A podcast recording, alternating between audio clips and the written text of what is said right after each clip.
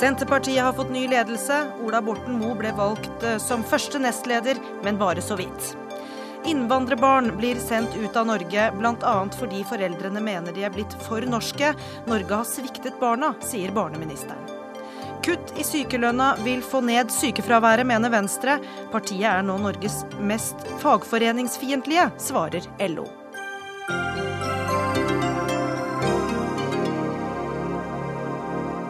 Vel møtt til Dagsnytt 18, hvor vi også skal høre at Norsk Vindkraftforening mener Naturvernforbundet hindrer grønn utvikling. Jeg heter Gry Blekastad Almås. Bare 18 stemmer i overvekt avgjorde altså da Ola Borten Moe ble gjenvalgt som første nestleder i Senterpartiet i ettermiddag. Men der partiet var delt i oppslutning om nestlederen, var det full oppslutning om deg, Trygve Slagsvold Vedum, eh, nyvalgt partileder og fortsatt på plass på landsmøtet i Lillestrøm. Gratulerer. Tusen hjertelig takk for det. Det har vært en aktiv dag, så nå kjenner jeg at jeg måtte sette meg ned på en stol. For det begynner å Det er ganske mye action en sånn dag. Ja, det kan jeg forstå.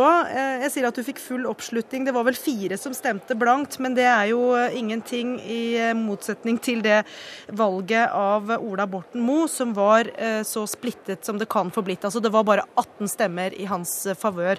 Hvordan tenker du det vil få betydning for den nye ledelsen, at han da ikke har den samlende effekten som du tydeligvis har?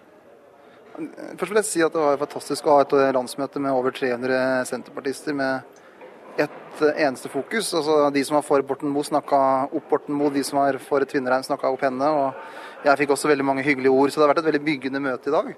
Nå har Ola Borten Moe fått eh, et mandat. Eh, det har vært en prosess som har involvert flere tusen medlemmer. Og, eh, og han er nå valgt. Og da har han er selvfølgelig helt full tillit. Og både Borten Moe og Tvinnereim er jeg nå veldig på det har felles mål med. Vi skal bygge et lag eh, med tillit. Men det jeg er opptatt av, er at eh, Borten Moe skal jo kunne ha utspill, være litt en fritenker. Vi skal ha politisk debatt i Senterpartiet. Vi skal ha en raus og romslig partikultur der debatt er bra. Men så skal vi på et visst tidspunkt fatte vedtak, og så skal vi jobbe sammen derfra. Men tilbake til dette eh, at det var såpass jevnt mellom eh, Anne Beate Tvinnereim og Ola Borten Moe. Eh, hvor vanskelig ble din jobb da, som, som leder, å skulle bygge ett lag, som dere har vært veldig opptatt av i dag, når splittelsen tydeligvis er så stor fremdeles? Det tror jeg kommer til å gå veldig bra. For nå har alle fått sagt sin mening. Alle synspunkter har kommet fram. Og det har vært i stor grad en persondebatt. Det har ikke vært noen linjevalg. Det er ikke noen i partiet nå som sagt nå må vi søke regjeringsmakt f.eks. mot Høyre Frp. Det er ingen som har vært der. Så det har vært mye mye mer om personer. Og persondebatter er utrolig viktig for de som er aktørene i debatten akkurat når det står på. Men eh, når det går litt tid, så, så vil det bli en noe man husker, men eh, ikke vil framstå så viktig. Eh, vi skal snart høre fra to kommentatorer som sitter her i, studio med meg. Eh, men flere kommentatorer har tidligere i dag eh, sagt at det er naivt å tro at roen nå uten videre skal senke seg når man har den sterke splittelsen. Jeg vil ikke gi helt slipp på den, skjønner du. Og at det er mange tapere i dag. Hva tror du om det sjøl? Nei, men Det er jo det mange kommentatorer lever av, å si at det er mye politisk spill og splittelse. ja, jo, Mener du de tar feil, eller? Det er jo levebrød. Nei, men Selvfølgelig har det vært tøffe runder. Men vi i Senterpartiet vi tåler tøffe runder. Nå er det tatt et valg, eh, og da skal vi jobbe sammen. Og Så håper jeg at det blir politisk eh, debatt framover. Jeg håper også at det kan være litt ulike syn i noen debatter, men det som er viktig for meg som leder, er jo at når vi da først eh, fatter vedtak, så jobber vi Eh, sammen der. Altså, jeg er opptatt av å ha en lederstil som at det er romslig i det meste, men er veldig fast og tydelig på det sentrale. Men som har en sånn varme i bunn, som gir trygghet, uh, sikkerhet, for at det er lov å være kreativ, lov å komme med utspill, lov å tenke nye tanker i Senterpartiet. Det var en forgjenger av deg eh, som het Per Borten, og som eh, sammenlignet lederoppgaven med å bære staur. Eh, blir det kanskje noen lignende utfordringer for deg? Altså, hvis du hadde hørt de politiske innledningene til eh, Borten Moe og Tvinnereim i dag, så peker det jo veldig i samme retning. Altså, man ønsker grønnere byer, levende distrikt, små forskjeller. At man skal ta hele landet i bruk, være tydelig i kampen eh, for å sikre norsk suverenitet mot EU. Så det er jo et, politisk sett et veldig samla parti. Men det har vært eh, debatt nå, eh, det har vært uenighet. Men det tåler man, og nå skal vi gå videre, og landsmøtet har fatta sine vedtak. Men det var også mulig å tolke dem i forskjellig retning når det gjelder eh, miljøvern, eh, med Tvinnerheim som, som, ville kanskje verne mer og tenke eh, grønnere, mens Ola Borten Moe snakka om utbygging bl.a. Så det er jo mulig å se forskjeller også politisk mellom ja. de to? Ja, og heldigvis for det. Altså, hvis alle som blir valgt inn i Senterpartiet sin ledelse tenkte helt likt, eh, så hadde det vært veldig stusslig.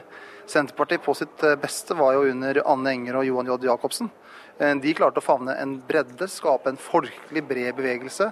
Men så er det veldig tydelig på de sentrale punktene. Så det er jo ikke sånn at hvis et parti blir smalest mulig, så blir det størst mulig. Jeg mener det er en styrke for et parti å ha en bredde, men man skal lage en kultur der det å ha bredde er tillatt, der det er greit å tenke nye tanker, og der vi skal være rause med hverandre. Du er den yngste partilederen i Senterpartiet noensinne. Hvordan skal du fornye partiet? Det skal jeg gjøre sammen med hele partiet. Jeg ser på det å være partileder som en laglederjobb. Skal vi i Senterpartiet gjøre et godt valg i 2017, så er jeg helt avhengig av at det er de tusener av medlemmer rundt i hele landet som er våre ambassadører, eh, som løfter partiet, snakker oss fram. Men sakene våre det handler om at vi skal overlate naturen i litt bedre stand enn når vi overtok den. Det handler om at vi skal ha en matproduksjon i Norge, at vi mener at det er bra for et land at det er små forskjeller. Eh, og at vi ønsker grønne byer og levende distrikt. Så vi kommer til å kjøre etter de sakene. Være en tydelig røst og et alternativ til regjeringa i Stortinget. Regjeringa vi har i dag, tror at hvis du bare slår ting sammen, så blir det bedre. Vår tanke er at hvis du bare slår ting sammen, så blir menneskene mindre. Så vi kommer til å være et alternativ i Stortinget. Løfte fram våre alternativer. Få fram også smådriftsfordelene. Få fram menneskene. Eh, og så skal vi sammen med de titusener av medlemmer og sympatisører vi har rundt i landet, gjøre at vi blir en sterk kraft inn mot valget i 2017.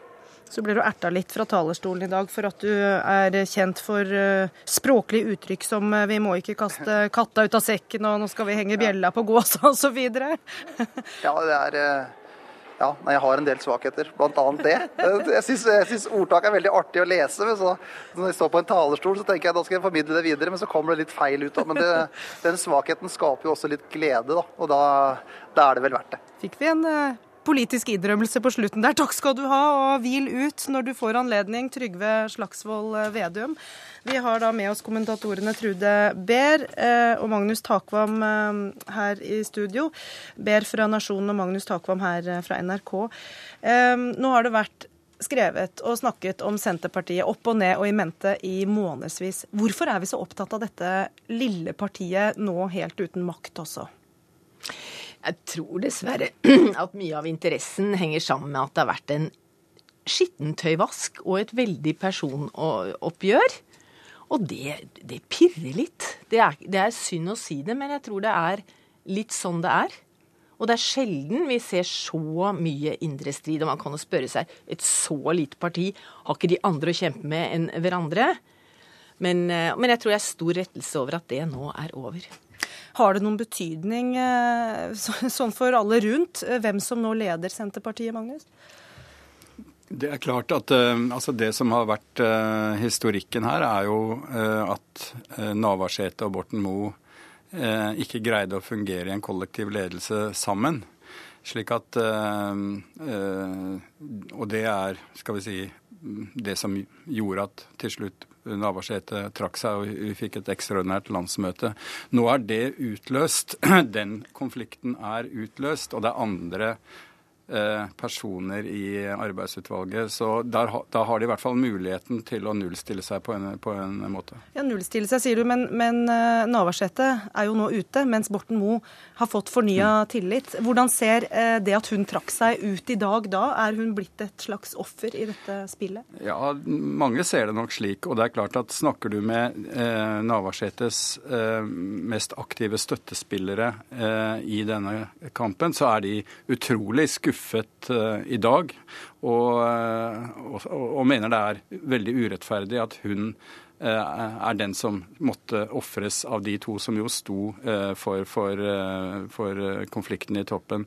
Men jeg tror at de aller fleste utover disse mer aktivistiske gruppene er innstilt på å, å, å prøve å forsone seg. Og det er, det er, jo Jeg vil si at Tvinnerheim ved den måten hun eh, håndterte dette på, ved å godta såkalt å være, bli andre nestleder og ikke stille ultimatum, i stor grad har bidratt til at det ble en fredelig eh, prosess, mer fredelig enn den ellers kunne blitt. Hadde hun også stilt ultimatum, så ville det selvfølgelig blitt en mye mer konfronterende kamp, og, og, også fra talerstolen på landsmøtet i dag. Samtidig så var jo dette første nestledervalget da veldig, veldig jevnt. Og eh, hvor lett blir det for Tvinnereim og, og Ola Borten Moe nå å jobbe sammen i en ledertrio, sammen med Vedum? Ja, Det er spennende å se, men eh, de er jo veldig proffe politikere begge to. Jeg, og de, er, de, vet hva partiet har vært igjennom nå. Og de er eh, smarte nok til å skjønne at det bør ikke fortsette. Men det er et skuffet mindretall som sitter igjen etter et landsmøte, selv om vi alle følte en, en, på en måte på lettelsen som var der. Men det er et skuffet mindretall. Og som min kollega Cato Nyquist skriver i Nasjonen i morgen, så står det ennå igjen å se om dette mindretallet vil fortsette kampen på en eller annen måte. For det er bare ett år til et ordinært landsmøte hvor ledelsen skal velges igjen. Og det er klart, hvis de, hvis de ikke forsoner seg med dette her, så kan de øh, fortsette å arbeide for at Borten Moe skal ut igjen ved neste, eller skal ut ved neste korsvei. Ja, hva tror du kan bli utfallet da av, av dette samme? Altså En ting er at lederne da er proffe nok, men ja. hvis det er grupper i partiet som ikke vil legge dette vekk? Ja, nei, det, er, det står igjen å se, men jeg har selv kalt dette, disse tre her for et stjernelag. Altså, Jeg syns de dekker veldig mye. Jeg syns de dekker en bredde som Senterpartiet på sitt aller beste kan være. Og det tror jeg Senterpartiet kan vinne, vinne mye på. Altså jeg tror eh, altså Borten Moe var veldig ydmyk eh, i sin skal vi kalle det seierstale etter at valget var klart. Og han han var tydelig berørt, og det, jeg tror det var eh, ærlig at denne konflikten har også gått inn på han og gjort noe med han. Så det er klart at han i en periode nå eh, er ikke, om ikke vingeklippet, så, så, tror jeg han eh, er veldig nøye med å ikke opptre på en måte som provoserer unødig. Eh, så, så han har såkalt lært av dette. Så får vi se hvordan det hvordan det går videre. Men, Men deler dere eh, Vedums eh, analyse her, at det i dag ikke var et valg mellom to ulike politiske eh, veivalg? Altså det er f.eks. det grønne. Eh, alle, eh, Tvinnereim snakker mye om det grønne. Folk, eh, de som støtter henne, fremhevet henne som representant for det grønne. I tillegg til at alle sa hun var en lagbygger. I det ligger det selvfølgelig at den andre kandidaten kanskje ikke er så mye en lagbygger. Men Borten Moe sier jo at det, grønn selvfølgelig er vi alle sammen grønne. Men vi skal ikke la et byråkrati og en Oslo, naturvernerne i Oslo definere hva Senterpartiets grønnfarge er. Altså Det er opplagt en eh, uenighet i Senterpartiet i, i energi- og miljøpolitikken. Og Borten Moe står på den ene fløyen, så å si, som, som eh, vil forene disse hensynene. Mens veldig mange av de som argumenterte for Tvinnerheim, eh, pekte på at nå må vi senke oljeutvinningstempoet eh, og liksom profilere Senterpartiet som et enda grønnere parti enn det de har gjort i regjering. Men da tror jeg skal vi si, Fordelen for partiet nå er at de ikke sitter i Olje- og energidepartementet mm. med sin egen statsråd. De er faktisk i opposisjon. Mm. Slik at eh, det kommer ikke nødvendigvis til å bli eh, eh, satt på spissen internt i partiet. Så den, eh, dette, dette, punktet eh, Så de kan leve med på en måte hverandre og, og ha den uenigheten gående. Helt til slutt, Hva har Slagsvold Vedum som Liv Signe Navarsete ikke har, eh, som skal eh, makte å samle troppene i Senterpartiet? Han er kanskje selv noe bredere politisk enn eh, Navarsete har vært. Han, er, han går utover i grunnen Senterpartiets eh, spesialfelter, og det er jo en fordel i et parti som faktisk er, har mange, eller flere fløyer og flere interesser. Og så er han selvfølgelig en, en Jeg tror han er, en veldig sterk psyke og er en balansert eh, mann med et veldig godt humør. Så det er et nytt Senterparti fra i dag? Ja, Det kan du si. Og noe av dynamikken i det som har skjedd, var jo at Navarsete følte seg truet. Hun følte sin posisjon truet. Eh, der tror jeg ikke Slagsvold Vedum er, og det, det har veldig mye å si. Takk til eh, politiske kommentatorene Magnus Takvam og Drude Behr. Dagsnytt 18 alle hverdager klokka 18. På NRK P2 og NRK2.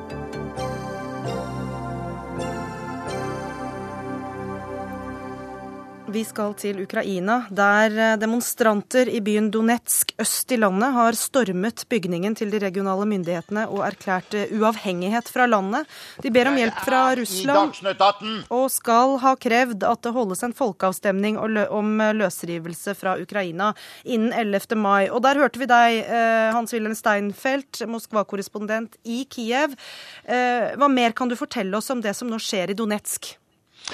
Dit har Julia Timosjenko reist i dag for å prøve å reise en, en opposisjon mot den russiskdominerte byen, der folk i dag har, har, erklært seg uavhengig fra Ukraina.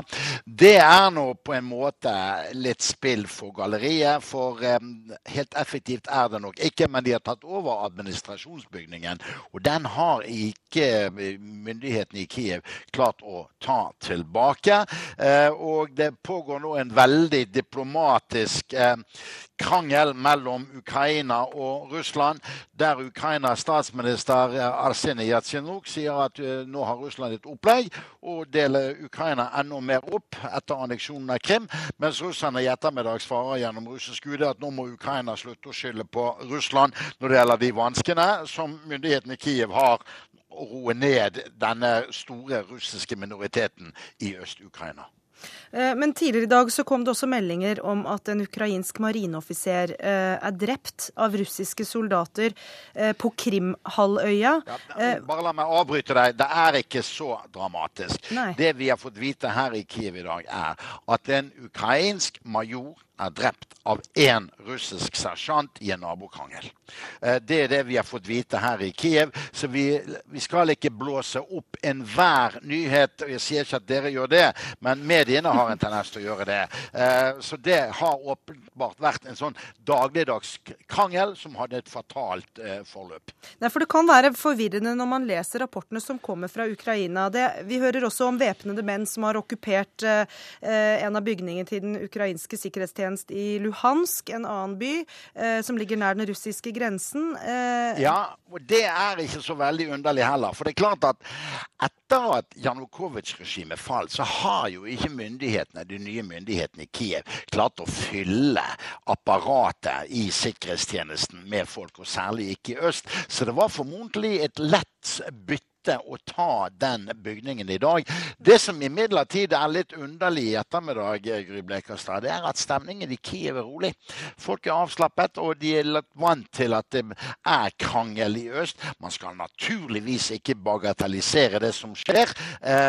Eh, men det er vel fremdeles grunn til å legge vekt på at Vladimir Putin slo fast at Russland ikke er interessert i en videre oppdeling av Ukraina.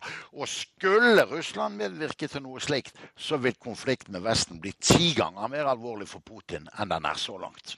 Men hvordan reagerer de ukrainske myndighetene på dette kravet om en folkeavstemning i Donetsk? Det avviser de naturligvis, for det er en veldig stor forskjell mellom Danetsk, Dnepropetrovsk og Kharkov på den ene siden og Krim på den andre. Rett nok er også disse østlige provinsene dominert av etniske russere. Men provinsene i seg selv har aldri vært en del av Russland, hva Krim jo alltid var historisk. Slik at det ville bli som å gå over en rød linje dersom russerne skulle gjenta det de gjorde på Krim. Bruke oppfordringer fra etniske russere i Øst-Ukraina som en uh, unnskyldning for å rykke inn med tropper da har vi den alvorligste krisen i europeisk historie siden freden i 1945. Dersom det skulle skje. Da sier vi takk til deg, Hans-Wilhelm Steinfeld fra Kiev. Venstre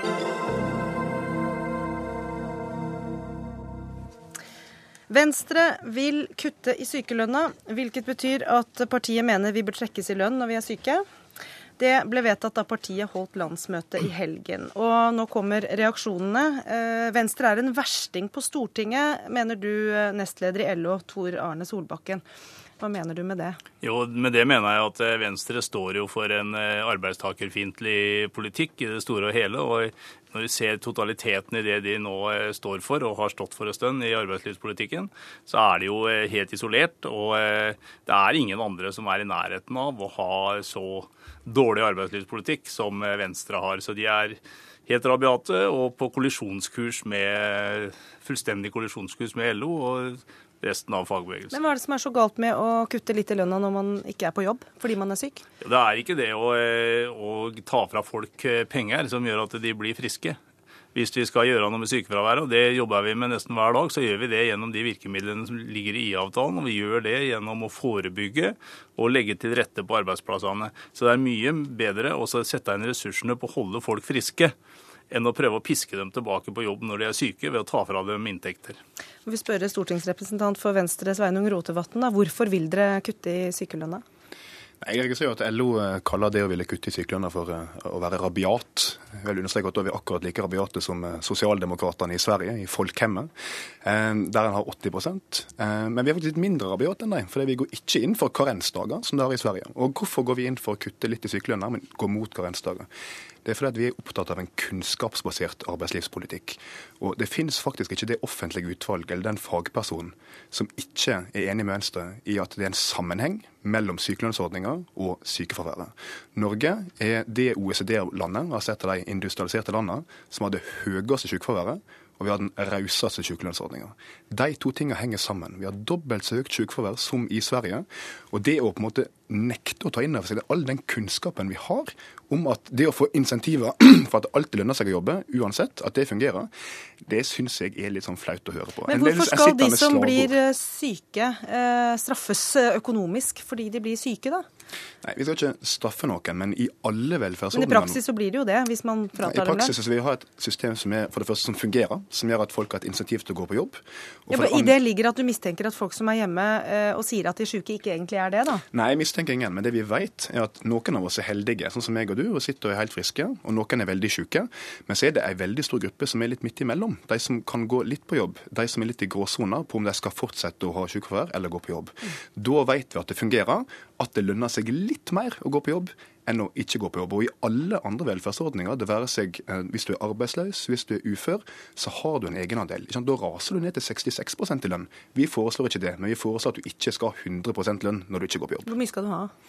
Det må vi ha en god dialog med både partene i arbeidslivet og med regjeringa om. Jeg vil si at det er en ganske dårlig start på en god dialog å kalle et politisk parti for rabiat og useriøse. Men eh, hvis LO kan eh, komme med litt saklige argument snart, så skal vi kunne ha en god dialog også med dem. Ja, Solbakken, er det ikke en ærlig sak å prøve å motivere folk til å komme på jobb, eh, hvis de er i denne mellomkategorien som Rotevatn her refererer til? Ja, men Det er jo ikke å motivere folk å si at eh, hvis ikke du går på jobben nå, så får du mindre lønn. Og den der kunnskapsinnhentingen til Venstre, den er jo veldig selektiv. For det første så er det sånn at vi har vi har den beste velferdsstaten, vi både på dette området og på andre områder. og Det skal vi være stolte av og ikke bruke som et argument eh, imot ordningene. Og så er det sånn at eh, I Sverige der blir du kasta ut av sykelønnsordningene på et mye tidligere tidspunkt. så det er et helt annet statistisk grunnlag. Kan ikke sammenligne det i hele tatt. Norge har altså den høyeste sysselsettingen av alle OECD-land. Jo høyere sysselsetting du har, jo større blir også sykefraværet. Og så er det sånn at Vi mener også at vi skal jobbe for å få et lavere sykefravær. Vi har gjort det gjennom den IA-avtalen som Venstre også kritiserer. Altså inkluderende arbeidslivavtalen. Ja, den kritiserer jo også Venstre i sine uttalelser her at eh, de er overraska over at regjeringen har videreført den.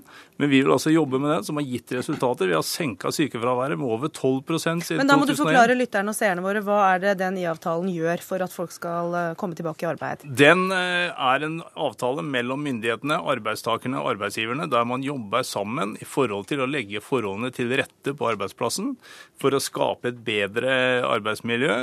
I norsk industri så er det gjort veldig veldig mye, og de har fått ned sykefraværet, de 20% som var utgangspunktet for den første IA-avtalen. Så vi snakker om forebygging og tilrettelegging for å få ned sykefraværet. Det er altså forebyggende istedenfor å bruke pisk etter at man har blitt syk.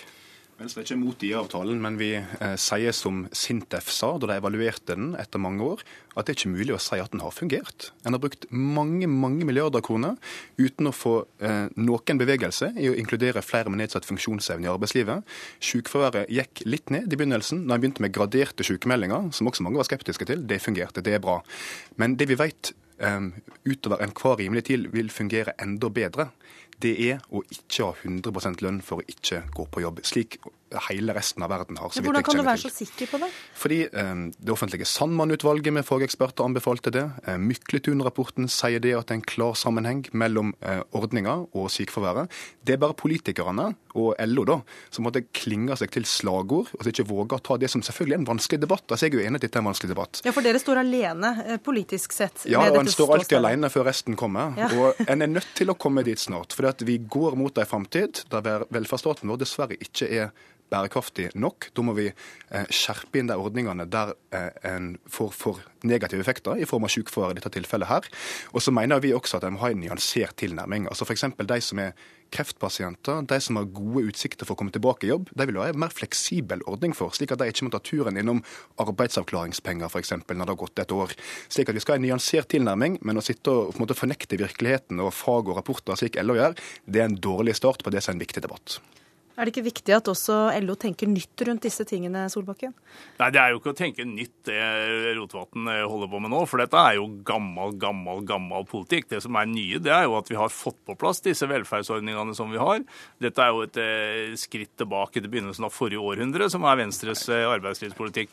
Og, og en rekke av de tiltakene som er foreslått fra Venstre, de virker jo stikk i strid med den inkluderingen som de prater så varmt for. Så det er ikke sammenheng i hele tatt i det de driver med. Det er jo en av grunnene grunnene til at de er alene og blir alene. De er en liten minoritet på dette området som på flere andre områder. Jeg må få lov til å si, Når vi har sittet der i en del minutter, og Solbakken og LO har fortsatt ikke kommet med ett saklig argument mot det jeg framfører, det er bare slagord, det er bare retorikk, det er bare sverting i beste Helga Petersen-stil.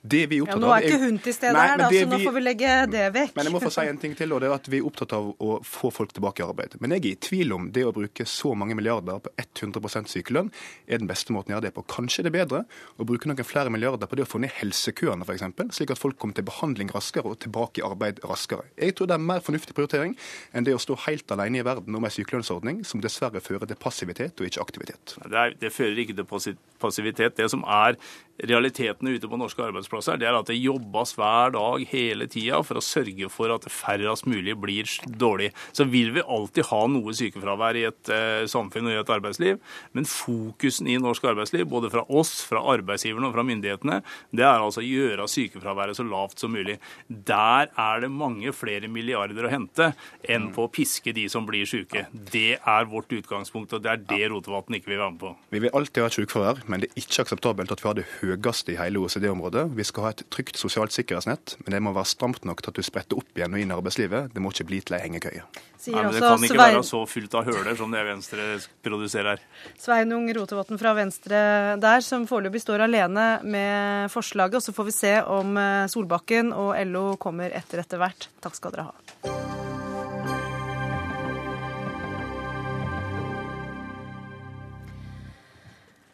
Av eh, de som var barn av ikke-vestlige innvandrere i 2012, eh, har 6000 opplevd å ha blitt flyttet eh, ut av Norge.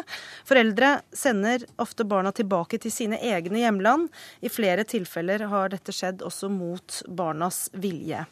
Eh, dette kommer fram eh, i en rapport, Hilde Lidén. Du er forsker ved Institutt for samfunnsforskning, og du har sett på barn som da har flyttet ut til eh, land utenfor EØS. 15 land er det vel. Aller først, hvem er disse barna? Det er jo ikke så lett å si at det er én type barn. Altså, motivasjonen for hvem som har et utenlandsopphold, er flere. vi har jo delt det inn i tre, fire grupper. Eh, vi nevner eh, familieanliggender. Eh, at de ønsker en bedre skolegang for barna. At de ønsker at barna har en periode hvor de Religionen, språket og kulturen er på en måte det som de deler med majoriteten rundt seg. Og det er det vi har kalt disiplinering. Og ofte er det en kombinasjon av alle disse tingene, men det er litt eh, forskjellig eh, hva som, er det viktigste. Og da er det eh, barn som sendes eh, til foreldrenes hjemland uten at foreldrene er med, for å være der i en lengre periode? Det er eh, ikke snakk om at eh, de sendes alene. Eh, det er noen som gjør det. Men vi har jo nettopp fått frem hele variasjonsbredden i hva disse familiene både motiveres av, men også hvordan de reiser enten sammen hele familien. Eh, det kan være at eh, det er mor som reiser med noen barn, og at andre barn er hjemme i Norge med far, og så kommer noen etter hvert til, til eh, og, og, noen flytter tilbake igjen, sånn at familien er splittet. Det kan være at barn blir boende igjen hos, hos slektninger, mens resten av familien reiser hjem. Eller det kan være at barn eh, reiser eh, til en bestemor eller til noen andre slektninger mm. eh, alene. Så det er stor, stor, variasjon. Ja, stor variasjon. Og du nevnte også at det er mange ulike motivasjoner. Et av dem dette med disiplinering. Og jeg nevnte innledningsvis fordi de ikke Eller de er blitt for norske. I hvor stor grad er det gjeldende? For disse barna? Ja, altså vi, vi, ser jo, vi har noen tall på hvor, hvor, mange som har reist eh, eller har blitt meldt ut av Norge eh, alene uten at andre eh, i familien har gjort det. Eh, og eh, så det er en, en, eh, en gruppe F.eks. i 2010 så var det snakk om vel 400 stykker fra, med somalisk bakgrunn. Det er de det er jo flere grunner til at eh, de foreldre ser eh, et opphold som en eh, løsning. Det kan være at de, har, de faller igjennom på skolen, de kan ha kommet inn i kriminelle miljøer, det kan være konflikter i familien. Og for disse familiene så er jo på en måte løsningen på eh, handlingsrommet, det er jo på tvers av landegrenser, eh, mens vi kanskje ville tenke nasjonalt. Mm. Sånn at, eh, at, det å da å, å, å, tenke at en løsning er at de har et opphold et annet sted for å oppleve noe annet, og, og så kan de se eh, kontrasten til det eh, og mulighetene de har her i, i landet, at det er en, en, eh, måte foreldrene tenker på det. Er det problematisk at dette skjer? Ja, for en del barn som opplever at dette her er eh, noe de ikke er forberedt på, at de, eh, de gjør det mot deres vilje. Eh, de mistrives, eh, de ønsker å komme tilbake igjen, men de eh, greier ikke å løse den situasjonen de er i, så, så er det problematisk. For andre så kan det være en bra erfaring flere av de vi har intervjuet, eh, forteller om det. At de, de fikk jo en uh, forståelse av uh, det norske uh, De mulighetene de har i det norske samfunnet. de hadde kanskje god skolegang mens de var der. Sånn at det Du kan ikke si det entydig også for denne gruppen der. Du nevnte eh, somaliere i stad, og norsk-somaliske barn er eh, de som da hyppigst blir sendt ut av Norge. Og hele 13 eh, av denne gruppen, eh, viser rapporten din, blir sendt ut av Norge. Vi har med oss Zainab eh, Mahmoud. Du er venstrepolitiker, forfatter, og du kom fra Somalia til Norge som barn. Eh, du sier at du er bekymret for det som kommer fram i, i denne rapporten. Hvorfor er du bekymret? Um jeg må bare først si at jeg har ikke noe problem med familier og foreldre som velger å ta med barna sine ut av Norge av forskjellige grunner. Jeg kan gjøre det, du kan gjøre det, hvem som helst kan ta med barna sine ut i verden og bosette seg hvor man vil. Men det å komme til et nytt land og bosette seg her pga. krig og elendigheter, og så sende barna sine tilbake til det landet alene, det bekymrer meg. Og her er det snakk om norske barn, og ikke bare somalske barn, men altså norsk Eller somalsk-norske barn. Mm. Hva, hva, er det bekymringen din går spesielt uh, ut på? Jeg regner med at man sender ikke barn til, uh, direkte til områder hvor det er krig og, og, farlig å være. Det er jo steder hvor man gjerne har en kontakt med familie osv. Absolutt, men det er ikke bare krig som på en måte kan være bekymringsfullt. Uh, et land som ikke har samme, instrukt, altså, samme instruksjon som Norge, der du har Eh, trygghet, og du har en god skolegang, du har um, kulturen, og alt er forståelig for deg når du vokser opp i Norge, og så blir du sendt til et land der du på en måte ikke kan sosiale kodene. Det kan være farlig uh, for disse barna. Og så skal du tilbake til Norge en eller annen tidspunkt der du har kanskje glemt språket, du har glemt hvordan man fungerer, hvordan man kan tilpasse seg. Så blir det et samfunnsproblem for oss. Ja, For da tenker du på at uh, integreringen tilbake til Norge ja, kan bli mer problematisk? Det kan bli det. Og så er jeg veldig bekymra for at um, Altså, nå sier jo rapporten at alle sendes ikke at uh, pga. tvang eller at, fordi de er blitt for norske. At det er veldig mange forskjellige grunner. Men for de som blir tvangssendt, så er det mørketall. Vi vet ikke om de blir omskåret der nede, om de blir tvangsgiftet, der de blir sendt tilbake. Og dette her er et samfunnsansvar vi har for barn som vokser opp i Norge. At vi vet hvordan hverdagen deres er i det stedet de kommer til. Så det er altfor mørketall når det gjelder disse tingene. da, om Blir de omskåret? Blir, er familien imot det? Somalia har ikke en rettsstat som kan følge opp sånne ting. Jeg hører du er bekymret. Og eh, barneminister Solveig Horne, eh, du har sagt til VG i dag at eh, vi har sviktet disse barna. Eh, hvem er det som har sviktet aller først? Det er jo vi som, som myndigheter. Eh, er når det er barn som ufrivillig blir sendt ut av landet til land som eh, så de blir sendt ut til, og, og kommer tilbake igjen. og Kanskje kan de være tvangsgifta eller kjønnslemlesta, og ikke minst så har de ikke språk. Så har vi svikta de barna som, som samfunn. Men nå hører vi jo her at det er jo eh, nettopp for å få en bedre utdanning at eh, noen drar. For å få kontakt med familie i foreldrenes hjemland. Eh, for å få en økt kulturforståelse. Rapporten peker ikke på kjønnslemlestelse og tvangsgifte som sådan. Hvorfor? Er det der eh, bekymringen eller sviket ligger? Denne rapporten er veldig viktig for oss, for den har gitt oss en kunnskap om at foreldrene ikke er klar over hva de utsetter barna sine for. Eh, veldig mange barn kommer tilbake til landet uten språk. De, har, altså, de er forvirra, rotløse. Og når vi vet hvor viktig det er med integrering, det å kunne norske språket, for det, de er norske, norske barn, eh, at de skal føle en tilhørighet til det norske samfunnet, så er det svært uheldig at de da blir sendt ut av landet landet til, til land som de ikke får lært det, det, språket som det er deres. Men det er jo mange barn som blir eh, sendt ut av landet eh, av etnisk norske foreldre også, diplomatbarn eller hva det måtte være, som da snakker andre språk i andre land. Eh, er det like alvorlig? Derfor er det denne rapporten viser at den også er nyansert. Eh, men som barneminister så er det min, min oppgave eh, å ivareta de barna og så forklare foreldrene hva de utsetter barna sitt. At de kan altså bli rotløse og forvirra og har mange mangler det språket. Men samtidig så viser rapporten at det er veldig mange barn som blir sendt ut av landet mot sin vilje. Og det er min oppgave som barneminister å ivareta. Eh, og at vi da er nødt til å ha, eh, ha redskap som gjør at de barna får den hjelpa de trenger.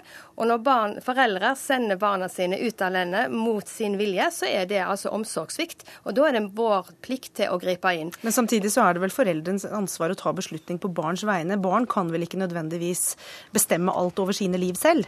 Nei, det er foreldrene som har ansvaret. Men når foreldrene da sender de ut av landet mot sin vilje, så er det omsorgssvikt. Samtidig, når barna kommer tilbake til Norge uten et språk, de blir forvirra, de er rotløse, de finner seg ikke til rette i det norske samfunnet, så er det òg vår plikt som myndighet å gripe inn. For det, det hindrer integrering.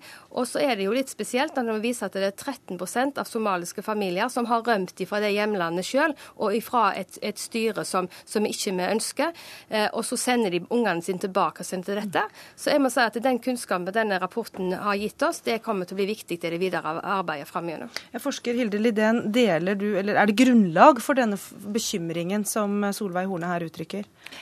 Altså, vi, vi, har hatt et veldig dobbelt blikk på, på dette, denne erfaringen. Eh, vi, er, eh, vi deler oppmerksomheten og bekymringen rundt de barna som har en situasjon som begrenser deres videre utvikling. Og, og, og, de har en mis, mistilpasning der. Eh, mens eh, jeg, jeg, tenker at vi også eh, får frem at for veldig mange så er det ikke snakk om at det blir en forvirring og rotløshet, men det blir faktisk en Altså, de får en Veldig mange uttrykker at de får en retning i livet.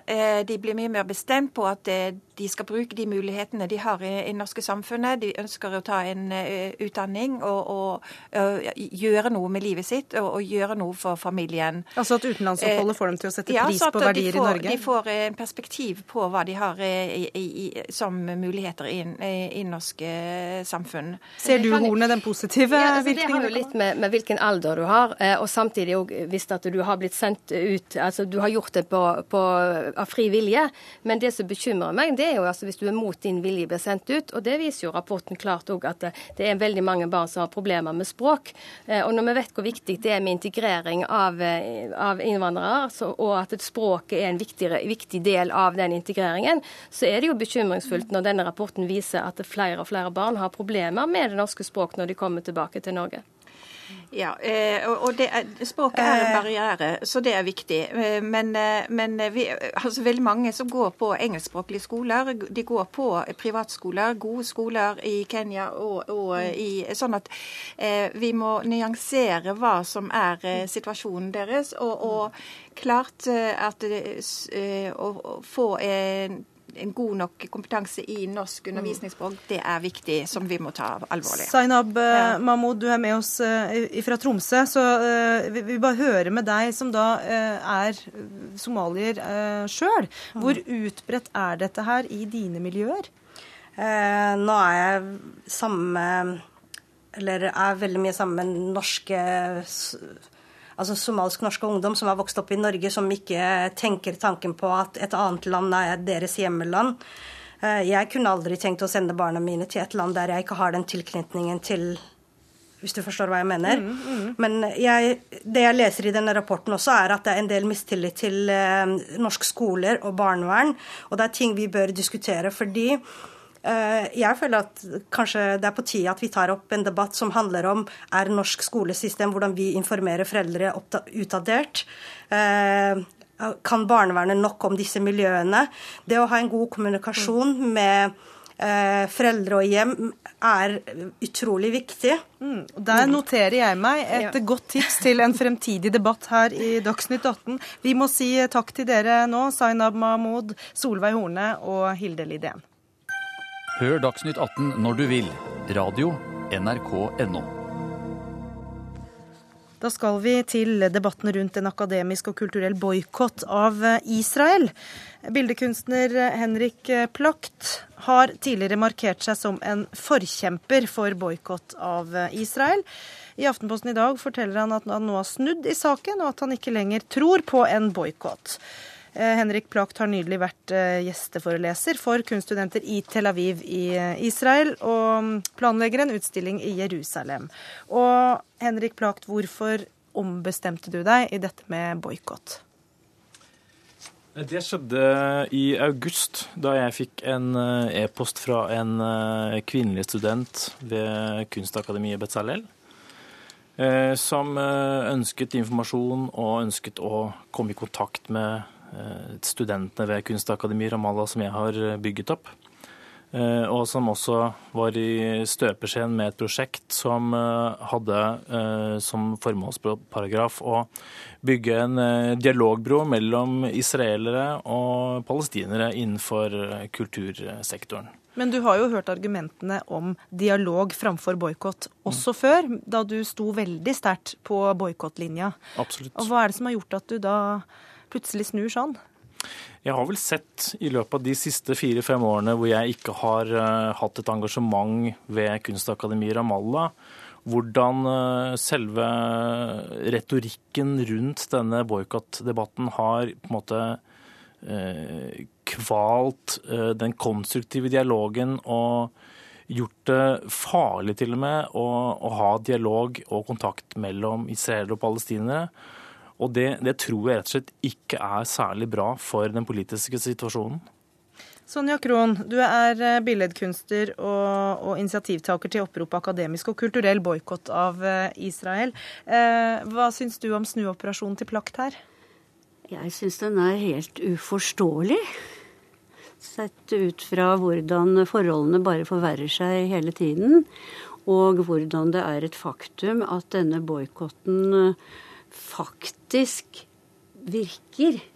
Eh, etter sin eh, hensikt, nemlig hensikten er å eh, slå hull på Israels eget, egen påstand om å være den eneste demokrati i Midtøsten, og at det er så ikke sant, deres selvbilde som skal være Og de er så flinke på kulturens område osv. Det er de jo.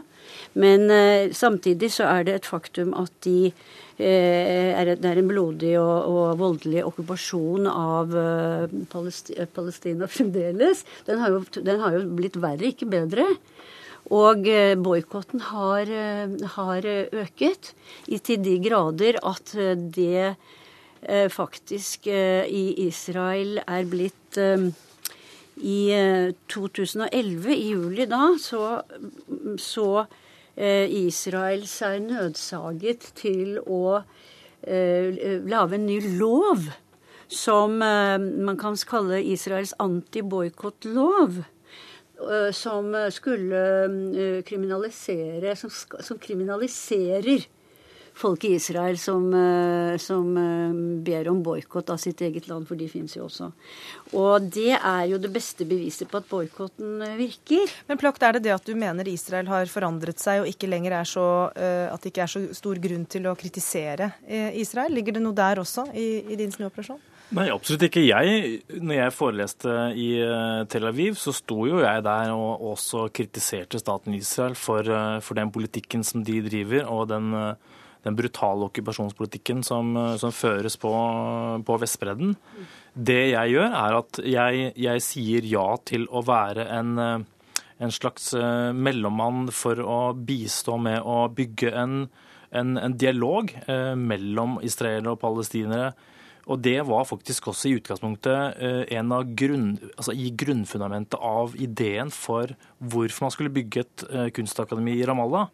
Slik at jeg opererer egentlig bare helt i tråd med den intensjonen som jeg hadde for å engasjere meg i Midtøsten i det hele tatt. Ja, Kron, er ikke denne dialogen kanskje eh, en vei som kan føre minst like langt som en boikott, og altså en ikke-dialogisk linje? da? Eh, nei, det tror jeg ikke. For denne dialogen har jo faktisk pågått siden Israel ble opprettet. Hvor Norge faktisk har vært en av Israels uh, trofaste venner, det offisielle Norge, fra starten av. Og vi har ført dialog i alle disse årene med kritikk av Israel. Det har jo ikke hjulpet. Det er jo et faktum at den uh, okkupasjonen bare er blitt verre og verre. Og dette med å skape en eh, palestinsk stat er jo blitt umuliggjort ved disse ulovlige bosetningene, som nettopp også under disse eh, fredsforhandlingene som fremdeles føres, eh, blir en måte bare å oppholde tiden, sånn at Israel kan skape enda flere fakta på bakken, flere bosetninger. Det holder de jo på med i fullt monn. Hvorfor tror du han har skiftet mening på dette her da? Hvis han ikke Jeg forstår det som sagt ikke. Jeg syns det er veldig merkelig. Og når du sier det, Henrik, at uh, du syns det er farlig Du sa nettopp at du syntes at retorikken som da boikottbevegelsen bruker, kveler, har kvalt den konstruktive dialogen at dette er farlig for den konstruktive dialogen, så vil jeg si at den faren som folk utsetter seg for ved overhodet å være aktive, og nå f.eks. innen Israel, som, vil, som ber om boikott av sitt eget land Det finnes jo masse, eller masse, der skal ikke jeg komme med noe tall, men eh, akademikere og kulturarbeidere som ber om boikott av sitt eget land, det er derimot blitt farlig ut fra den eh, loven som jeg nettopp nevnte. Og du Israels har jo gått hardt, hardt ut eh, tidligere, bl.a. i kronologien kronikker i avisene og sammenlignet absolutt. med apartheidregimet i Sør-Afrika og boikotten der. Absolutt. Ja. Mm. Jeg det klarer du å forklare det bedre?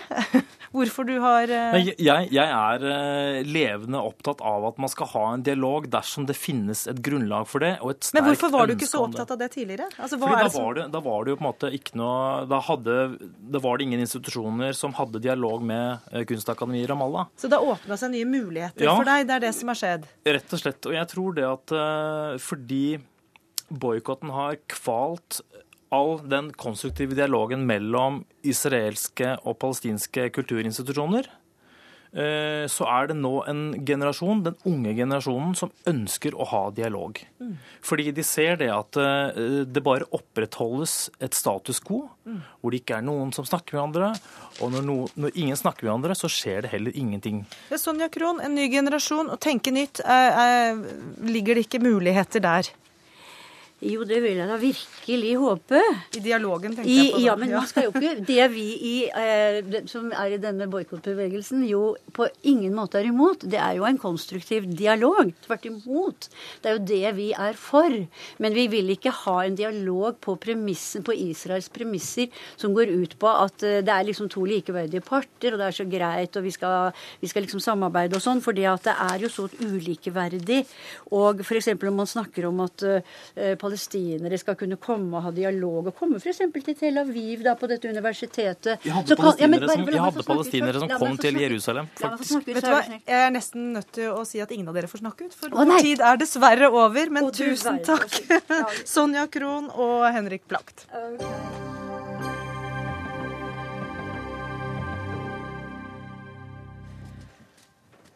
Naturvernforbundet er en bremsekloss i klimaarbeidet. Det er en drøy påstand som kommer fra deg, Øyvind Isaksen. Du er administrerende direktør i Vindkraftforeningen. Hva mener du med det?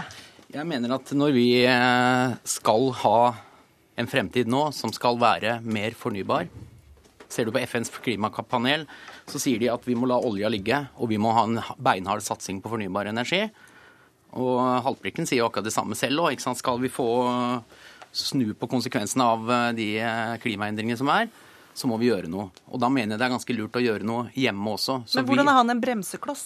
ja, Vi har jo de prosjektene som vi ser i Norge nå, så de som f.eks. ligger i Olje- og energidepartementet nå, så er 12 av 15 prosjekter påklaget av eh, Naturvernforbundet. Prosjektet med å bygge Ja, altså, vindparker. ja. Mm. ja, Lars Haltbrekken, leder av Naturvernforbundet. Det, vi lurer jo på hvorfor denne motstanden eh, mot vindparker er så stor fra et naturvernforbund? Det er jo veldig artig å bli beskyldt for å være en bremsekloss i klimakampen når vi nesten daglig møter det motsatte, at vi er for ivrig på å kutte utslippene. Men hvordan vi... henger dette sammen, da, at dere er mot vindparker? Ja.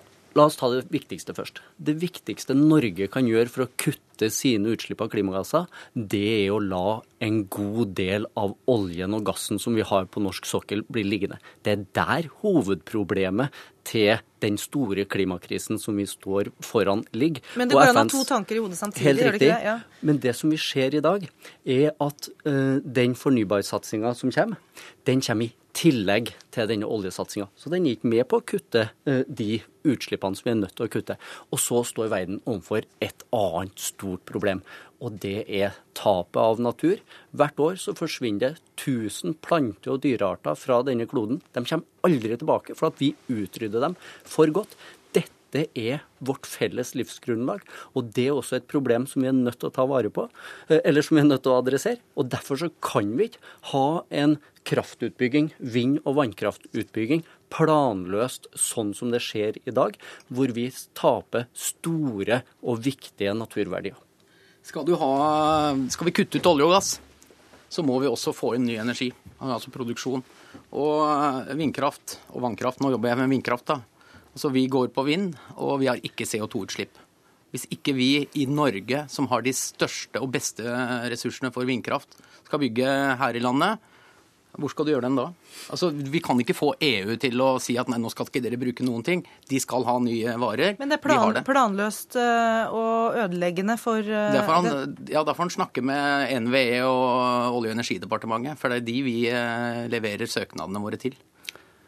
Og de står jo definitivt for denne planløse satsinga. Og vi ser statistikker fra miljømyndighetene som viser at vi de siste 14 årene har tapt store, viktige naturområder, såkalte urørte naturområder, mye pga. vind- og vannkraft. Og det kan ikke fortsette. Vi er nødt til å konsentrere inngrepene, legge inngrep til allerede eh, bebygde områder. Og så ser vi jo da, når NVE, Norges vassdrags- og energidirektorat jeg må bare stoppe deg litt, for det betyr det at du er for eh, utbygging av vindkraft hvis de plasseres på eh, bebygde områder? Altså På områder som allerede er ødelagt, ja. Men det som vi ser i dag, er jo at en planløs satsing hvor det bygges ned viktige naturområder, og man legger det nesten konsekvent i verdifulle naturområder. Og når man en sjelden gang får nei fordi at myndighetene mener at eh, her går det eh, på bekostning av viktige naturverdier, som f.eks.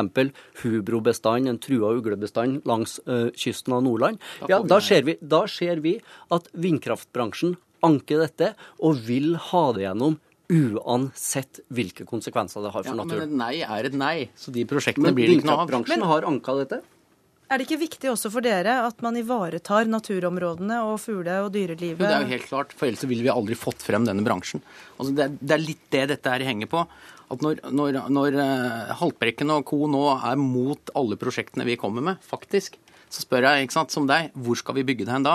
Dere skal ha et om... Altså, hele Europa Men han svarte et jo på det nærmere bebyggelsen, områder som allerede ja, er ødelagt. ja, da får noen ha de prosjektene, da, sånn som det ser ut i dag. Så jeg mener vi skal skifte ut, og Europa skal skifte ut en vare, som er da CO2, utslipp fra olje og gass. Og når vi da har flere prosjekter fremme å gå i Norge, så er det jo veldig synd at de som sier at det er det store problemet er CO2-utslipp, de sier OK, men skal vi gjøre noe i Norge, så kan de ikke gjøre det.